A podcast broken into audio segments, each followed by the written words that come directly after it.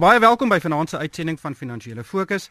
My naam is Ryk van die Kerk en my gaste vanaand is Johan Gous, hy's hoof van Absa Bate Konsultante. Hy sit in die studio daar in eh, in Auckland Park. Goeienaand Johan. Goeienaand Ryk.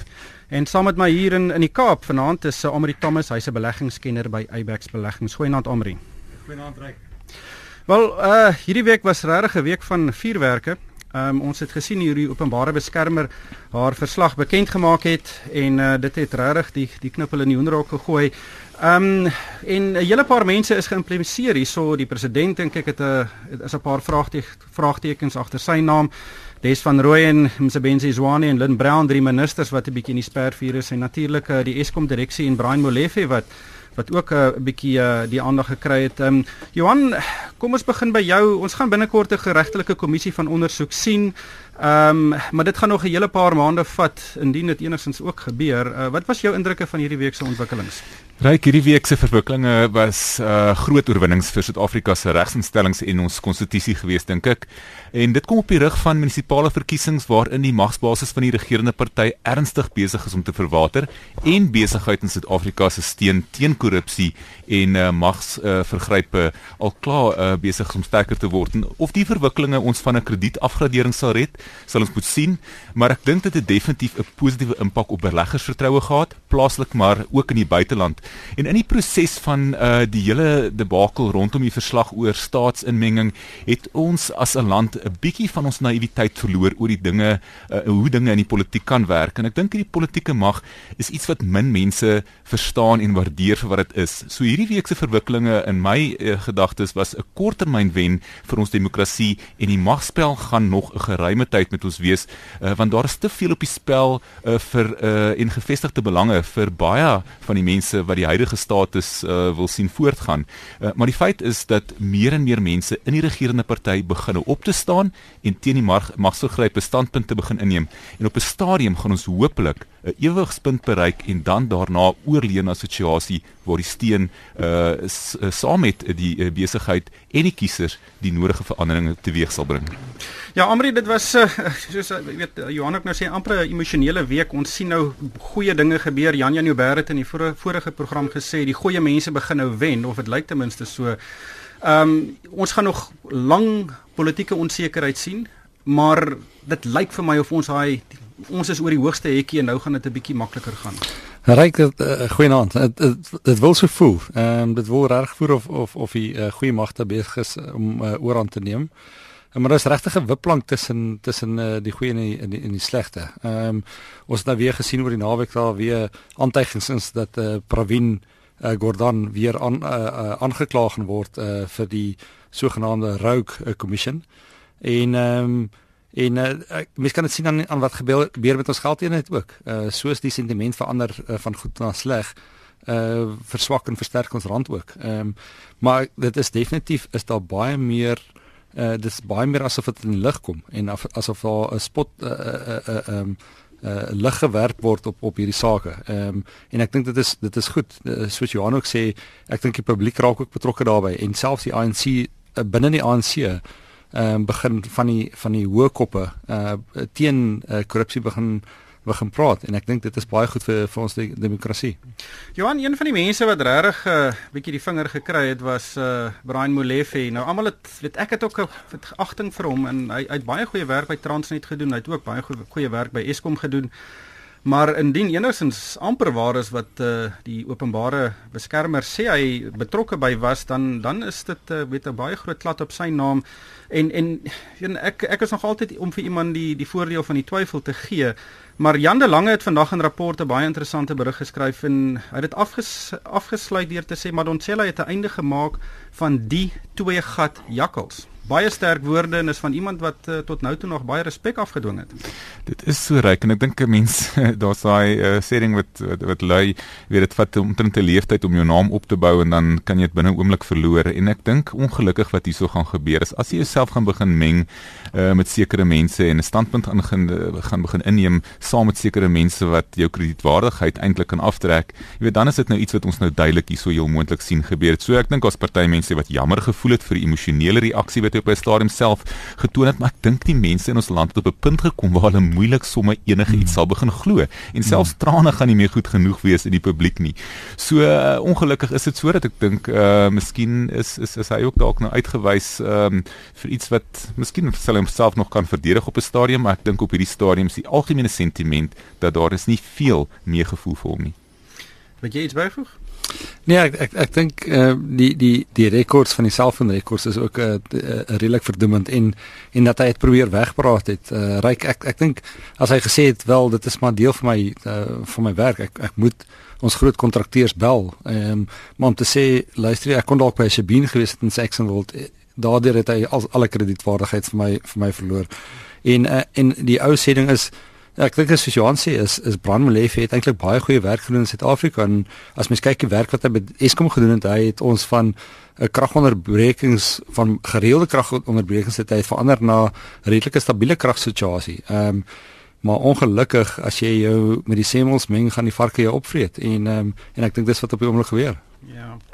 Ehm um, Johan het vroeër verwys na graderingsagentskappe. Standard & Poor's uh, verteenwoordiger in Suid-Afrika, Gardner Rusike het hierdie week in 'n by 'n konferensie in in Johannesburg gesê, weet dit dit, dit, dit lyk nie asof ons ekonomie aan die groei aan die groei kom nie. Ehm um, en hy weet nie eintlik wat aangaan nie. Hy dis eintlik nogal vir my verbasend geweest na die uh, mediumtermyn begrotingsoorsig van van so 'n paar weke gelede.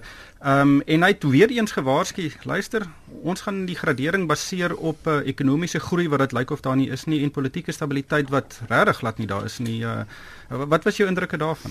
Ja, ek dink so daar was drie bene waar na die kredietgraderingsmaatskappye kyk. Right? Die eerste een is om te sê kry jou ekonomie aan die gang en laat hom volhoubaar groei en as jy dit kan regkry, dan gaan jy outomaties ook jou fiskale situasie aanspreek. Nou met die mediumtermynbegroting het ons hooplik so 'n bietjie van 'n idee gegee van waarheen ons wil gaan met ons fiskale situasie, maar dit moet wees in die agtergrond van ons ekonomiese situasie en daardie gedeelte plan nog steeds. Ons het nou weer gesien 'n opgedateerde syfer van net 'n half persent groei hierdie jaar en dan nie eintlik veel meer as 1% dalk volgende jaar nie. En dan kom daai laaste uh, been in en dit is die ding van politieke stabiliteit en dit is heel moontlik die swakste gedeelte van die drie bene waarop ons nou probeer staan om die kredietgraderingsmaatskappye te oortuig dat daar nie 'n afgradering moet wees nie. En S&P gaan al op 2 Desember gaan hulle al hulle aankondiging maak. Uh, Fitch gaan ook nog voor die einde van die jaar hulle aankondiging maak en uh, dan weet ons ook dat Moody's, um, hulle kan ons heel moontlik afgradeer, maar dan is dit nog steeds dan is dan ons hulle in lyn basis met S&P en Fitch.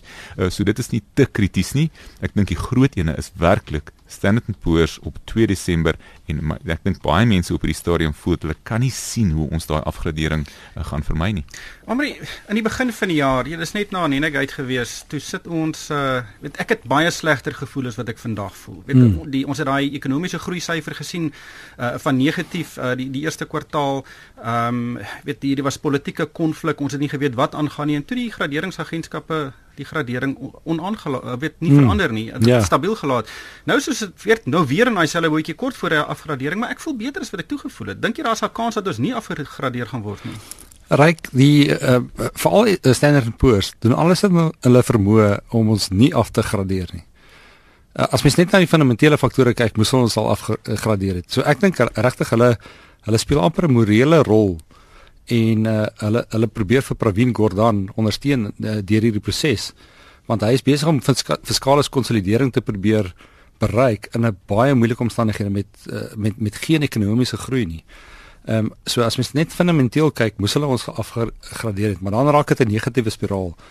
En ehm um, maar ek dink soos soos sy uh, amper tipe van soos die uh, uh, hulle nie reg kry om hom aan te kla vir iets nie uh raakie raak hulle ook meer positief teenoor die siening van van Suid-Afrika want Suid-Afrika het soveel potensiaal en uh en ons ons ons groei potensiaal is baie hoog. So as ons dit kan uitsorteer as ons ons politieke onstabiliteit kan uitsorteer ehm um, het ons het ons kan ons regtig goeie groei toon en dan hulle wil die laaste ding wat hulle wil doen is ons afgradeer nou en dan oor 6 maande weer uh, moet opgradeer. En ek dink hulle sal eerder so lank moontlik ons nie afgradeer as ons kan. So in my opinie is dit omtrent 'n 50-50. Ehm um, as iets met ons finansies minister gebeur, is dit 'n definitiewe afgradering. Ryk net miskien aan te uh, sluit daarbey. Ek dink jy weet as ons 'n kredietafgradering kry, dan gaan dit nie 'n 6 maande, 12 maande situasie wees voor ons dit gaan terugkry nee. uh, na die die die beleebare status nie.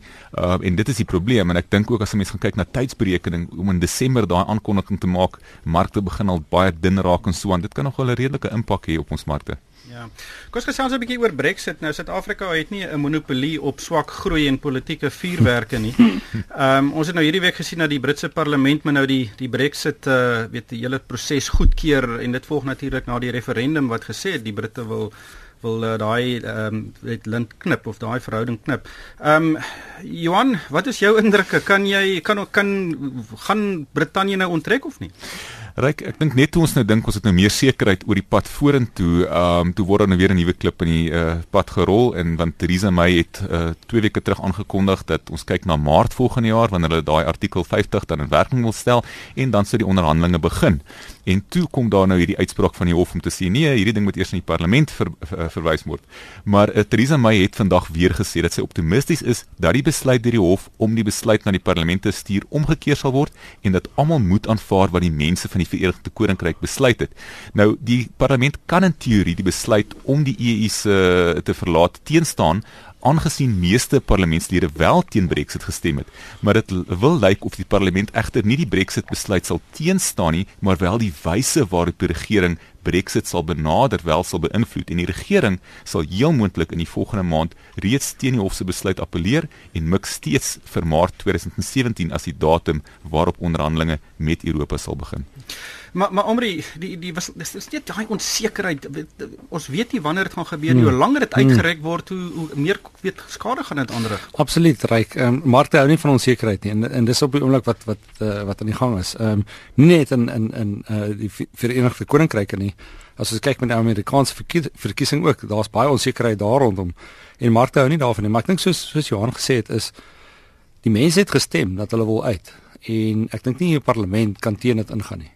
Ehm um, so ek dink Brexit gaan gebeur. Ehm um, dis net hulle wil dit in 'n in 'n manier doen wat minder skade doen aan die Verenigde Koninkryk en ek dink dit gaan moeilik wees om dit diplomaties te te hanteer. Ehm um, so dis dis 'n interessante proses om te volg.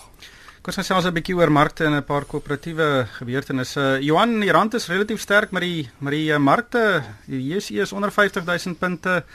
Hierdie jaar gaan nie 'n goeie ene wees nie of ten minste lyk dit so. Ja, ek dis die eerste keer wat die uh, mark, die plaaslike mark weer onder die 50000 vlak daal sedert Februarie vanjaar en ons is as ons nou terugkyk dan is ons eintlik maar basies op dieselfde vlak waar ons hierdie jaar begin het. En die enigste sektor op hier is e wat vir die jaar tot datum nog enige uh, nog kop be water kon hou is die hulpbronne indeks as gevolg van die kommoditeitspryse, die platinum en goudpryse wat bietjie gestyg het. En dan die sterker rand wat vir die jaar tot datum met so wat 15% in die dollar, 13% in die euro en 35% in die pond versterk het, het maar die randverskansingsandele ook bietjie uh weet jy hulle swaar getref. Um, en as ons net na die bateklasse as geheel kyk, is dit maar eintlik net jou effekte mark wat so wat 16% groei vir die jaar tot datum toon en dan jou genoteerde eiendomsmark. So oor die algemeen is dit moeilik vir beleggers om in 'n gebalanseerde portefeulje uh weer eens ook as gevolg van die rand wat sterker geword het en hulle buitelandse komponent getref het, is dit baie moeilik om vir beleggers om om om inflasie um, uh, of of opbrengste te kry wat inflasie inflasie klop. Omdat sou jy in die begin van die jaar iemand geglo het wat vir jou gesê het in November maand gaan die rand 15% sterker wees teen die dollar, nog meer teen die pond en en ook teen die euro. Nee, reg, dis on, dis ongelooflik. Ek bedoel dis heeltemal anti-konsensus roep gewees as mens gesê die rand gaan so veel versterk. En ek dink die, die probleem met ons aandelemark is as jy ons kyk na die top 40 aandele, 75% van hulle verdienste word in in, in uh, oorseese geld in verdien.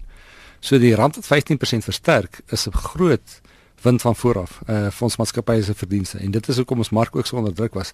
So in dollar terme is ons mark amper amper 15% op, maar in in rand terme is is ons is ons plat of af vir die jaar. Ehm um, so dis 'n baie moeilike mark uh en en soos uh soos Jana gesê het vir 'n gebalanseerde fonds om inflasie te klop vir hierdie jaar was baie moeilik want want jou boustene waaruit jy jou opbrengs uit ehm um, gebou het ehm um, met almal baie lae opbrengste gehad. So baie moeilike jaar. Selfs jou oorseese deel van jou van jou portefeulje wat gewoonlik hier 25% af is is nou 15% af vir die jaar.